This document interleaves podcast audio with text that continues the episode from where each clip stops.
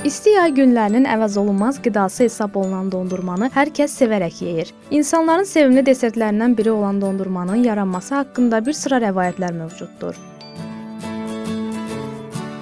Rəvayətə görə eramızdan əvvəl 400-cü ildə Fars imperiyasının əhalisi qarın üzərinə üzüm şirəsi töküb qidanı soydur və bunu yemək kimi yeyirdilər. Yaxçal adlanan bu sərinləşdirici qidanı yerin altında saxlamaqla yayda da istifadə etmək mümkün idi.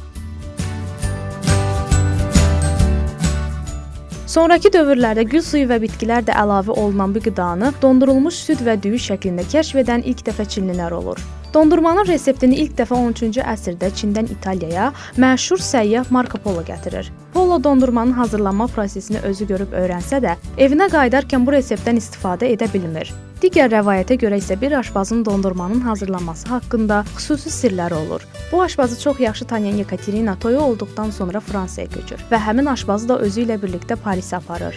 Aşbazın hazırladığı dondurmadan dadan birinci Karl onu krallığın dondurmaçısı adlandırır və hətta ona ömürlük təqaüd təyin edir. Amma aşbazın qarşısında şərt qoyur ki, dondurmanın hazırlanma qaydasını heç kimə öyrətməsin.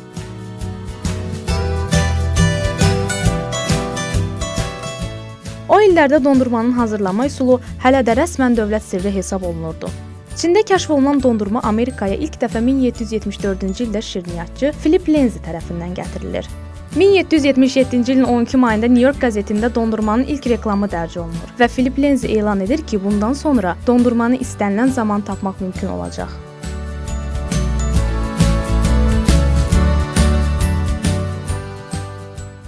1799-cu ilin avqustunda Hamburqda ilk dəfə qəhvəli dondurma hazırlanır. Sonralar dondurmanın növləri artmağa başlayır. Avstriyalılar dondurmaya şokolad, İtalyanlar meyvə, qoz, likör, peçenya parçaları və hətta çiçək də əlavə edərək assorti dondurma növünü yaradırlar. Dondurma, dondurma, İlk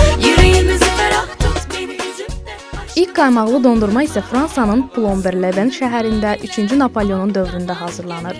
Yeni kəşf olunmuş südlü desert şəhərin adına uyğun olaraq Plomber adlandırılır. Sonralar onun tərkibinə müxtəlif əlavələr də edilir. Sırt üstü olsa da Dondurma istehsalının mükəmməlləşdirilməsi yolunda ilk addım 1846-cı ildə New Jersey-dən olan qadın Nancy Johnson tərəfindən həyata keçirilir. O frizeri yaradır. Artıq hər kəs frizeri əli ilə işə salaraq daha soyuq halda dondurma hazırlaya bilərdi. Lakin bütün bunlara baxmayaraq, Nancy Johnson öz ixtirasını patentləşdirmir. 1848-ci ilin 30 may tarixində Young frizerin oxşar bir növünü patentləşdirir və bu aparatı dondurma üçün Johnson Freezer patenti adlandırır.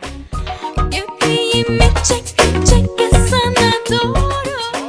Dondurma ilk dəfə 1850-ci ildə Toronto şəhərindən olan Kanadalı qənnacı Thomas Webb tərəfindən satışa çıxarılır. İlk dondurma zavodu isə 1851-ci ildə Amerikanın Baltimore şəhərində fəaliyyətə başladı. 1920-ci ildə Amerikalı Nelson şokolad içində dondurma yaradır və bunu Eskimo pie, yəni Eskimo proqu adlandırır. Bu yeni növ dondurma həm uşaqların, həm də böyüklərin sevimli şirniyyatına çevrilir.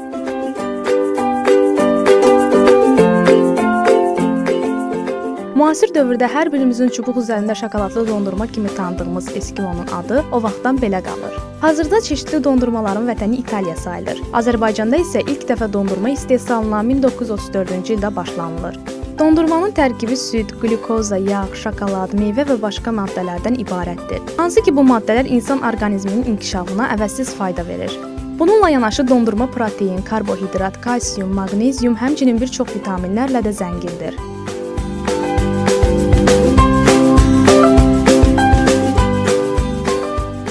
Dondurma əhval-ruhiyyəni qaldırır. Təcrübələr göstərir ki, dondurma sevən insanlar digərlərinə nisbətən özlərini daha xoşbəxt hiss edirlər. Dondurma həmçinin qan təzyiqini də aşağı salır. Böyrək daşı və mədə xərçənginin yaranma riskini azaldır. İmmuniteti gücləndirir və beyin fəaliyyətini artırır. Qızmar yay aylarında insanlar sərinləmək üçün dondurma yeməyə üstünlük versələr də, alimlər isə günəş altında dondurma yeməməyi məsləhət görür.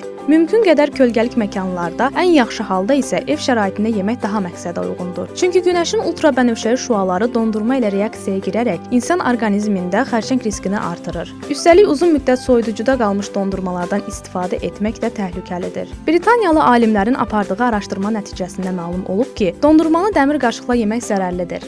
Belə ki, dondurmanın tərkibində olan maddələrə dəmir tərkibli qaşıq dəydikdə maddələr mübadiləsi başlayır və bu da zəhərlənməyə səbəb ola bilər. Alimlər dondurmanı ən yaxşı halda yalayaraq yeməyi məsləhət görürlər. Bu cür dondurma yeməyə kompleksi olan insanlar isə taxta və ya plastik qaşıqlardan istifadə edə bilərlər.